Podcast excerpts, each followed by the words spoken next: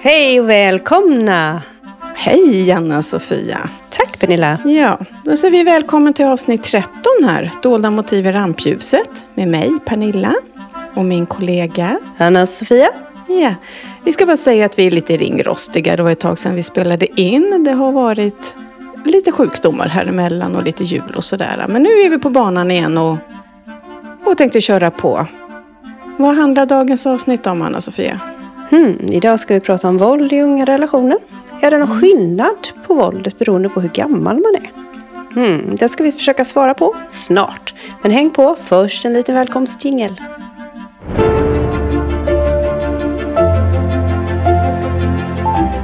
Du lyssnar på Dolda motiv i rampljuset, en podd om våld i nära relationer, producerad av Eksjö kommun.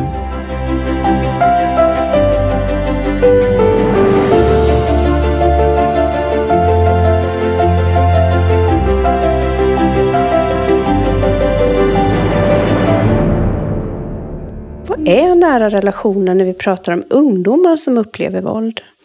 Ja, men just våld i, våld i ungas nära relationer, det kan ju vara precis som det vi har pratat om tidigare. Det är fysiskt, psykiskt eller sexuellt våld eh, som sker mot en nuvarande eller tidigare partner, flick, pojkvän, någon man dejtar eller har tillfälligt eller regelbunden sex med. Och nära relationer, det avser vi också ibland även föräldrar, syskon eller nära vänner. Mm. Mm.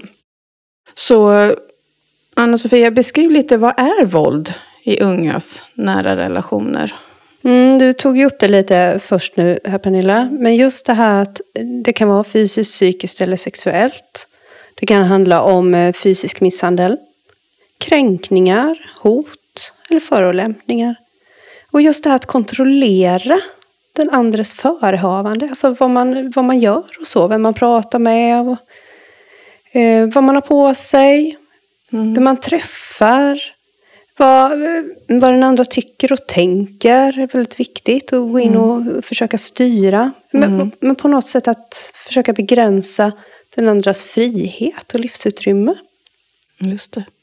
Och här finns det ju också det sexuella tvånget. Mm. Som även finns i den vuxna relationerna. Mm. Men eh, och liksom våldtäkt eller andra sexuella övergrepp. Det som är i unga relationer är ju många gånger att det här kan ju ske både att man träffas fysiskt men även via nätet, alltså online. Där man använder sociala medier som ett, ett ställe där man kan utföra våldet på.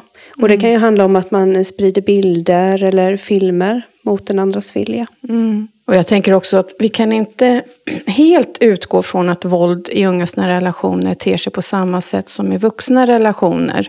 För att det kan skilja sig liksom här på, på många sätt. Och delvis för att samhället förändras över tid. Men också för att ungas livsvillkor skiljer sig från vuxnas då de till exempel rör sig i andra miljöer och ofta bor hos sina föräldrar. Så därför är det väldigt troligt att våld i ungas nära relationer även kan ta andra former och eh, uttryckssätt än för vuxna. Men hur vanligt är det? Ja, det finns ju få studier eh, om förekomsten av våld i ungas nära relationer i Sverige. Men Brottsförebyggande rådet eh, har gjort en kartläggning som visar att nästan var femte 16 till 24-åring i Sverige har blivit utsatt. Så att både killar och tjejer utsätts för våld i nära relation. Men det är vanligare för tjejer att bli utsatta. Men även att identifiera sig som en hbtq-person innebär här också en ökad utsatthet. Och man kan även se här att förekomsten, som jag sa tidigare, här, var högre bland tjejer. Och då räknar man ungefär 23 procent. Än bland killar, för killen där låg på 14 procent. Och bland 20 till 24-åringar var det också högre jämfört med de som var mellan 16 och eh, 19 år. Mm. Och visst var det så att i den här undersökningen så visar det också att det mest förekommande eller vanligaste våldet var det psykiska. Som var, låg på 16 procent. Och om man då jämför då med det fysiska våldet som även innefattade sexuella våldet. Som var på 9 procent. Men även i, i Brås undersökning så framkom det ju också att det är ju väldigt få som mm. gör anmälan till polisen. Att man har blivit utsatt för våld i nära relation.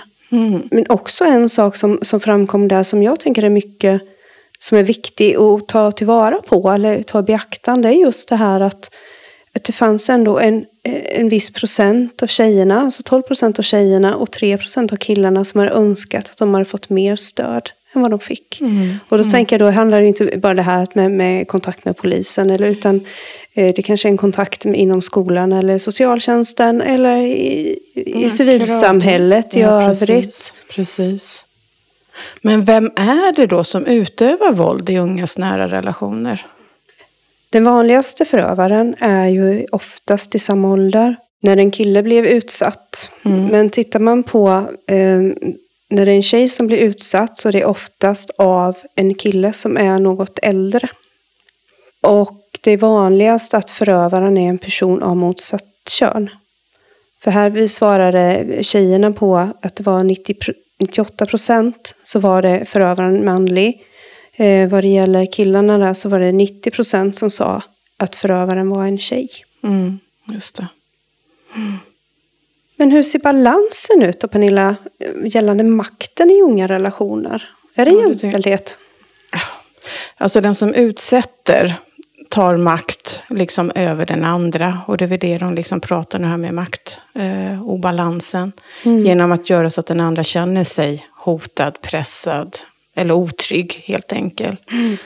Och den som blir utsatt kan känna sig tvungen då som vi pratade om tidigare också, att anpassa sitt liv för att skydda sig. Man tar till de här skyddsmekanismerna man mm. har liksom för att mm. inte må dåligt och, och, även för att rädda sig själv.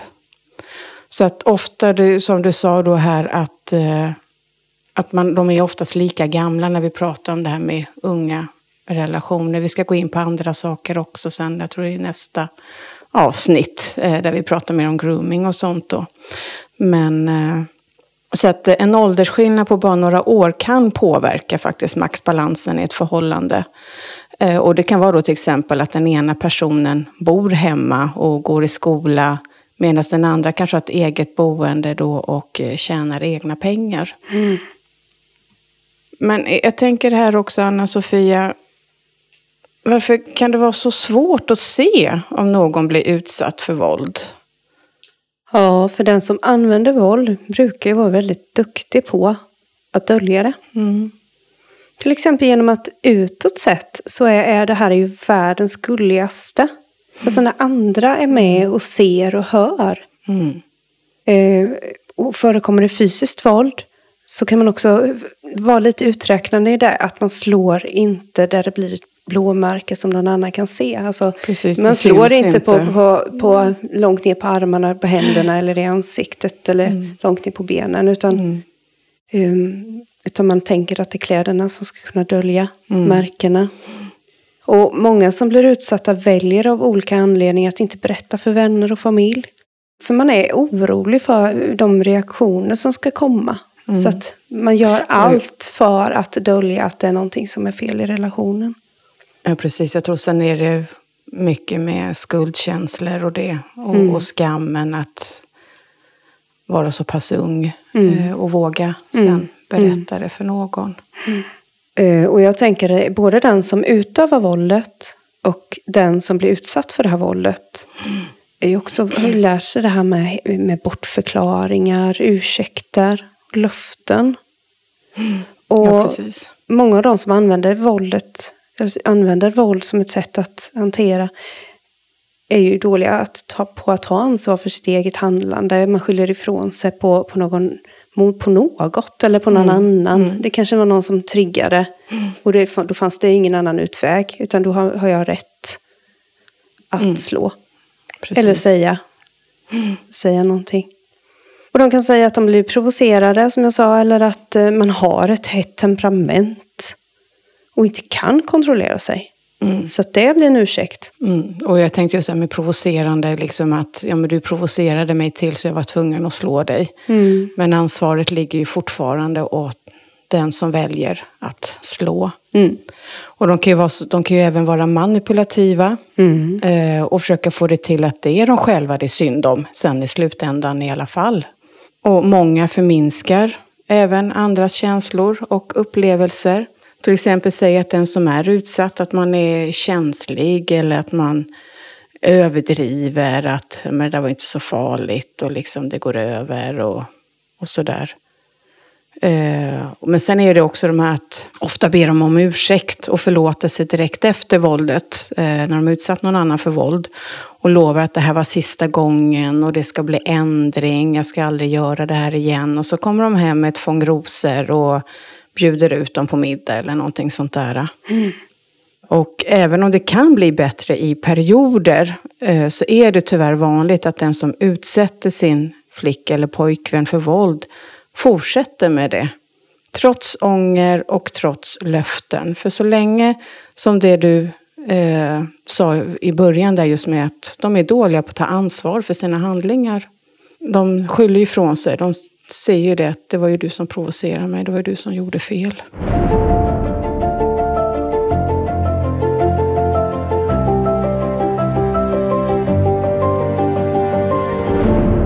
Men finns det någon koppling mellan normer och föreställningar om kön, sexualitet och relationer?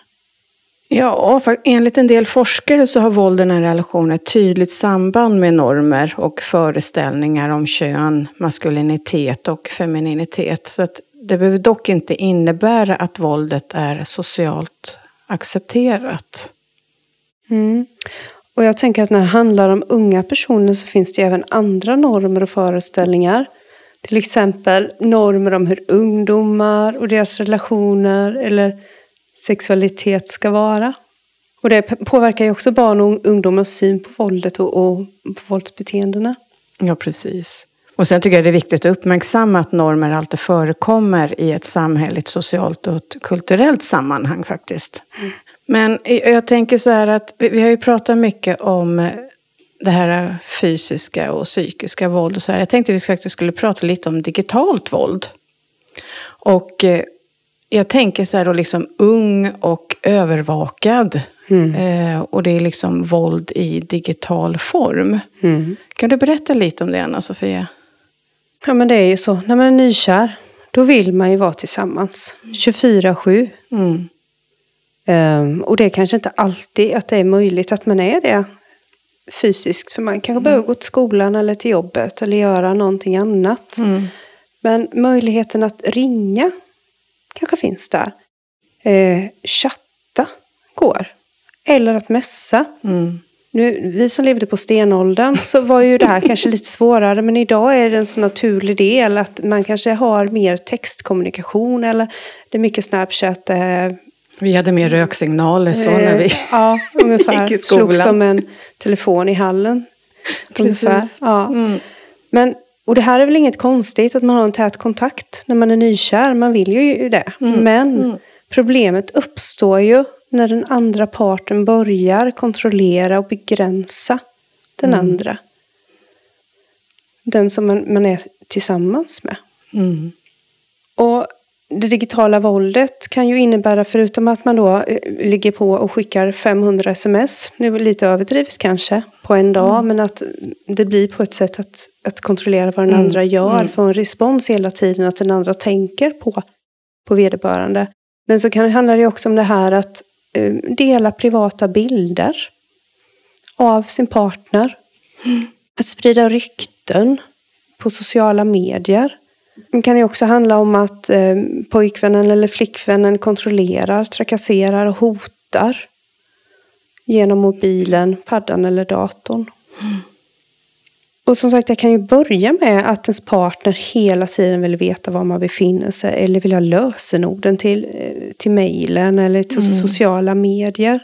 Och först, som jag sa, det kan man ju uppfatta det här som väldigt gulligt. Att det är någon som bryr sig och vill Ja, vara, vara en precis. del av ens liv. Eh, och att det är just det där att lite svartsjuka. Ja, de tycker att det är jättefint. Han bryr sig. Ja, han vill så verkligen gärna vara med mig. Men det här eh, eskalerar ju ofta. Ja.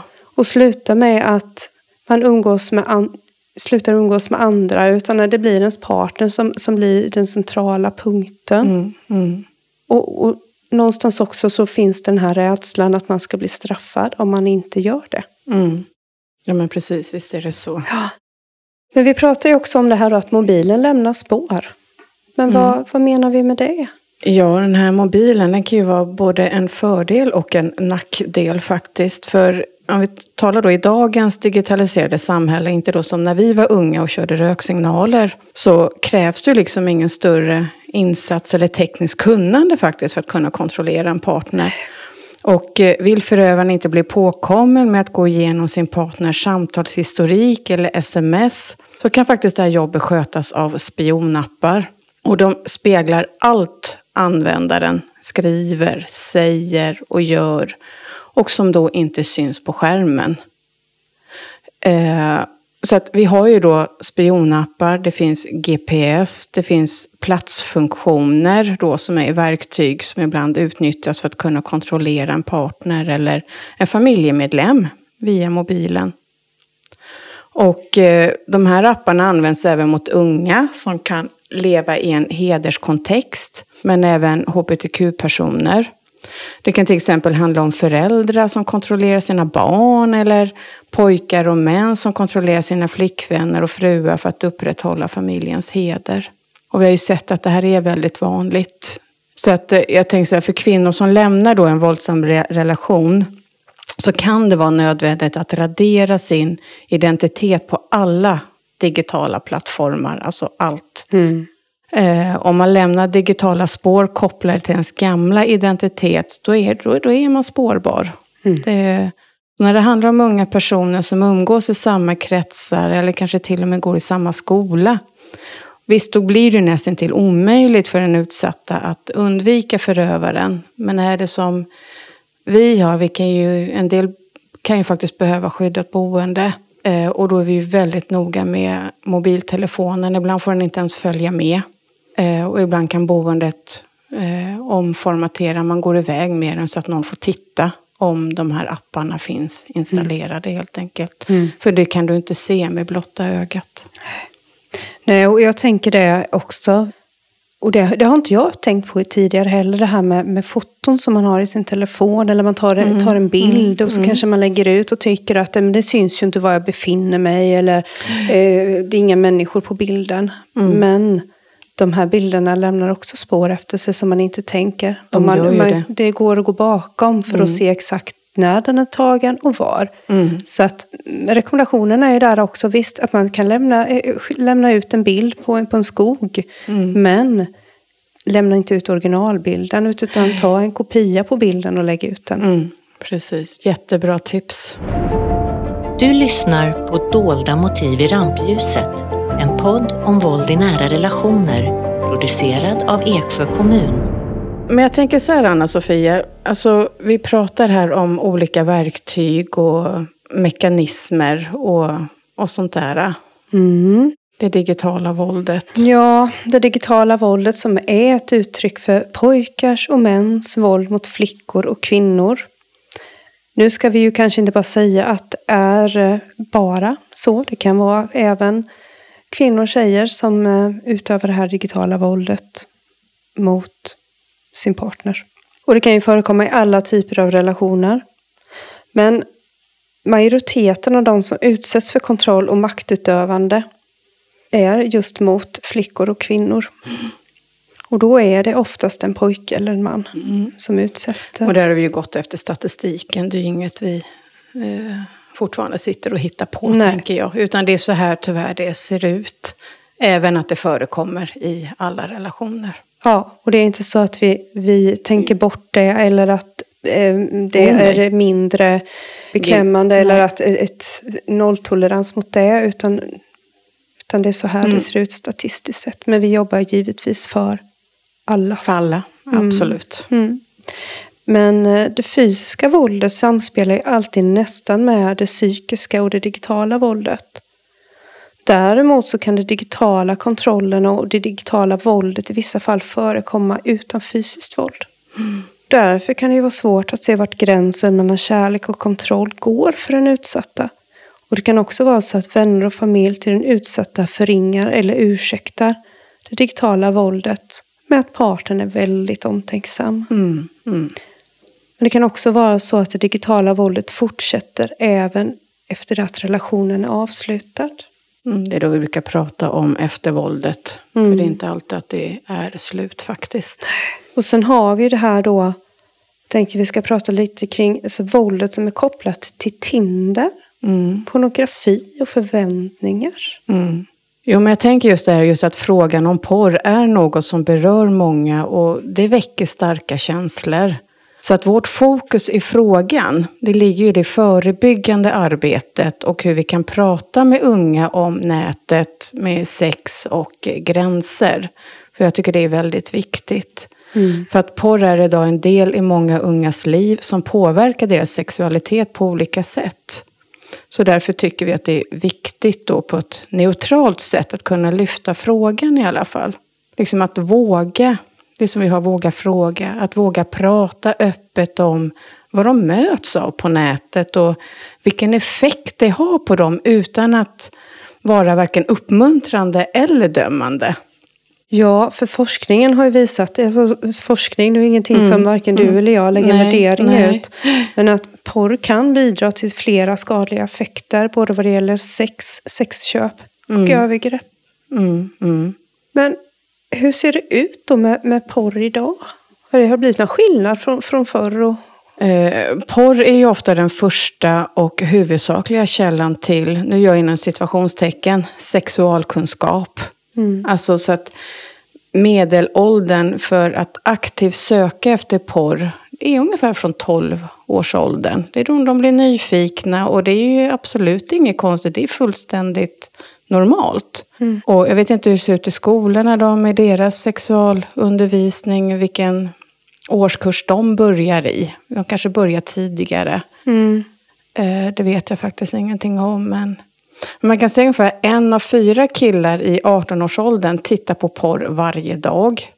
Och de som tittar dagligen har oftast varit utsatta för sexuella övergrepp eller utsatt andra mm. För detta. Och, och det man vet då är just att porren utformar idag barn, ungas och vuxnas syn på kön, sex, samtycke och relationer. Sen det man också ser är att eh, en stor konsumtion av porr, den tröttnar hjärnan. Mm, Okej. Så att för att få samma kick Mm. så behöver man titta oftare och se allt grövre porr för att få samma kick då. Mm. Är nästan tänker så här, man jämför med missbrukare. Ja, Du börjar kanske med hasch, går på tabletter, till slut måste du injicera heroinet. Liksom, för eller, eller smärtstillande, att. Ja, du behöver du behöver höja större do- dos. dosen för Ja. att få samma effekt. Samma sak här med, med porren, du behöver en större dos för att få samma kick.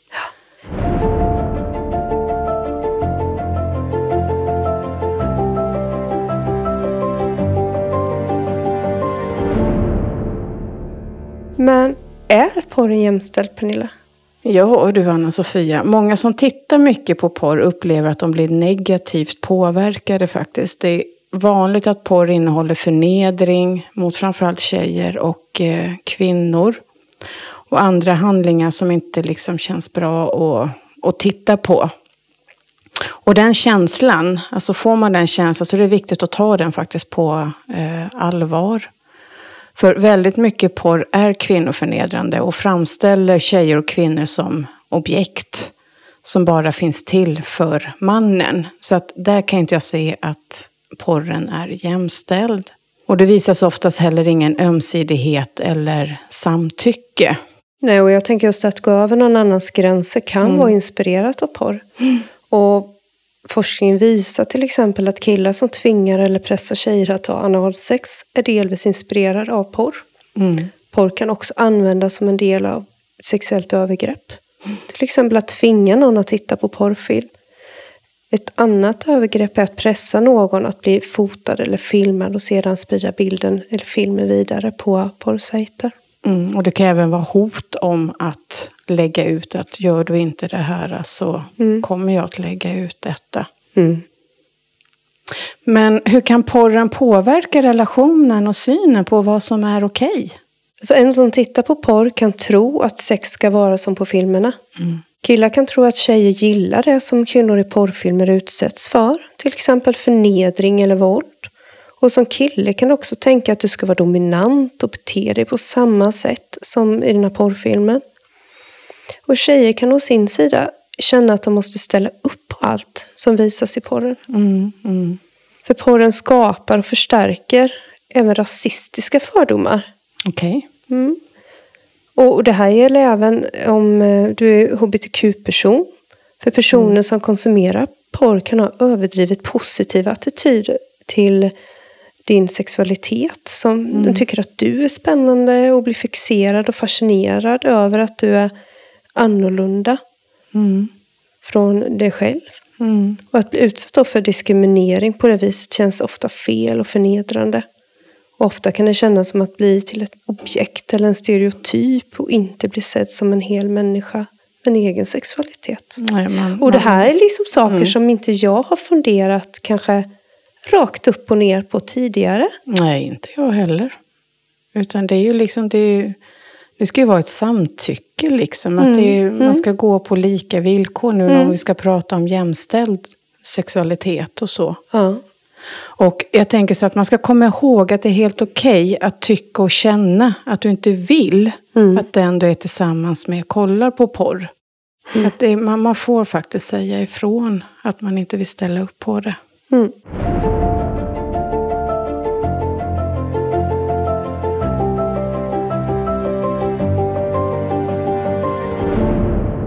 Men det finns ju en koppling mellan våld och ohälsa. Så är det ju. Mm.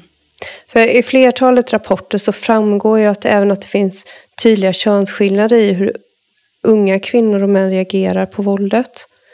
Och de unga kvinnorna uppger att de mår sämre och lider mer av våldet, särskilt i, i det psykiska våldet, än de unga männen. Och en förklaring till det här är att de unga kvinnorna oftare utsätts för våld av någon närstående. Vilket kan göra att det här övergreppet är svårare att hantera och bearbeta. Mm, det är ju så. Och en ständig oro för våldsutsatthet kombinerat med faktisk utsatthet kan också vara en faktor som eh, leder till stora påfrestningar och särskilt då för unga kvinnor. Mm. Men hur ser det ut med lagar och regler? Vad, vi ska, vad kan man förhålla sig till i det här när vi pratar om, eh, eh, vi pratar om övergrepp, både sexuella övergrepp och... Ja men precis. Det förbudet mot sexuella trakasserier infördes var den svenska lagstiftningen var väldigt tydliga med att sexuella trakasserier utgör ett maktmissbruk och måste då ses ur ett könsmaktsperspektiv. Och ett förbud mot sexuella trakasserier är därför en viktig jämställdhetsfråga som, som liksom är framtagen. Och det finns flera, flertal kan vi säga, olika lagar som kan bli aktuella när det handlar om sexuella trakasserier. Och eh, de fyra viktigaste lagarna är diskrimineringslagen, du har i arbetsmiljölagen, du har skollagen och du har även brottsbalken. Så att dessa kan aktualiseras parallellt eftersom en handling som omfattas av diskrimineringslagen eller utgör ett arbetsmiljöproblem även kan vara ett brott enligt brottsbalken. Det kan ju faktiskt framkomma liksom sexuella trakasserier på arbetsplatsen. Men du har ju även då på skolan då bland eleverna. Mm. Och sen som vi pratade om liksom jämställdhet kring allt då.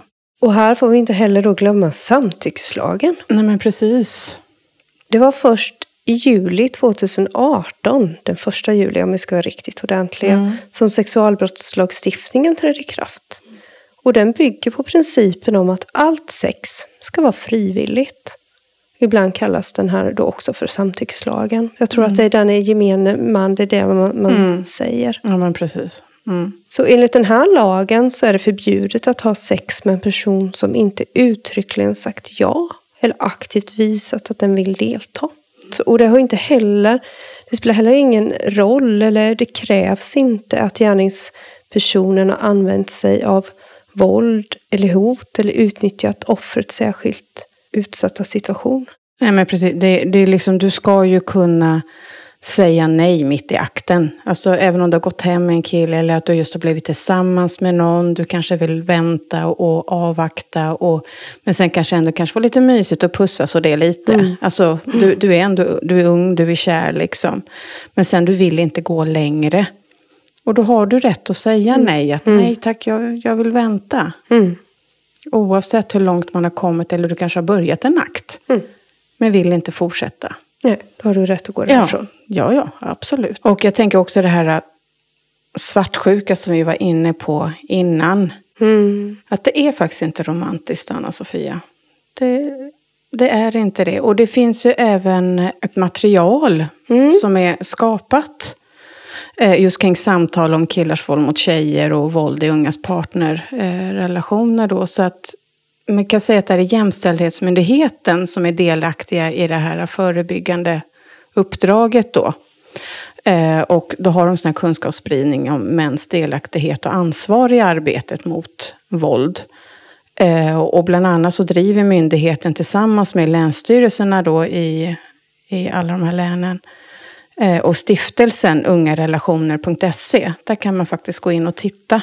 Så är den här årliga kampanjen. Den är den är varje år. Eh, och det är tjejer, ungars, kvinnors utsatthet för våld eh, som är då i särskilt fokus. Även i regeringens nationella strategi för att förebygga och bekämpa mäns våld mot kvinnor. Mm. Men det här är någonting man faktiskt kan gå in och eh, läsa, även om mm. du är ute och jobbar i en verksamhet. Eller om du själv som ungdom eh, vill läsa på lite mer det här att man kanske börjar tänka att mm svartsjukan, alltså vart går gränsen egentligen? Man kanske inte vet själv, även om man har lyssnat på oss. Så vet man inte vart den går någonstans. Så att in och kolla. Jättebra tips. Tack Pernilla. Mm. Eh, och jag eh, tänker att vi, vi lämnar det här. Mm, mm. Att det här eh, svartsjuka är verkligen inte romantiskt. Eh, och vi slår ett slag för det här materialet. Mm, mm. verkligen. Anna-Sofia, jag tänker så här. Klockan går ju, det rullar på. Eh, vi tackar för oss. Mm. Tänker jag. Mm. Eh, och vi hoppas att ni ändå har fått lite information, eh, lite mer kunskap just om det digitala våldet och hur våldet kan te sig i unga relationer. Mm. Eh, och jag tänker att vi ska koppla på det där lite till. Hur, hur kan vi faktiskt förebygga ännu mer? Mm. Jag tänker inte mm. bara inom socialtjänsten eller skolan utan ute i, i vårt samhälle i stort. Eh, men det blir, får bli ett kommande avsnitt vad det gäller det arbetet. För nästa gång så kommer vi att fortsätta prata om ungdomar också. Men där kommer fokus vara mer på, den, på sexuell exploatering. Eh, och du pratade som du sa innan om grooming. Mm, så det kommer vi ta upp då. Vad handlar det om? Men var med oss då. Fortsätt att stödja oss i kampen att sprida kunskap om våld i nära relationer. Och tillsammans gör vi en förändring. Tack och hej. Tack och hej.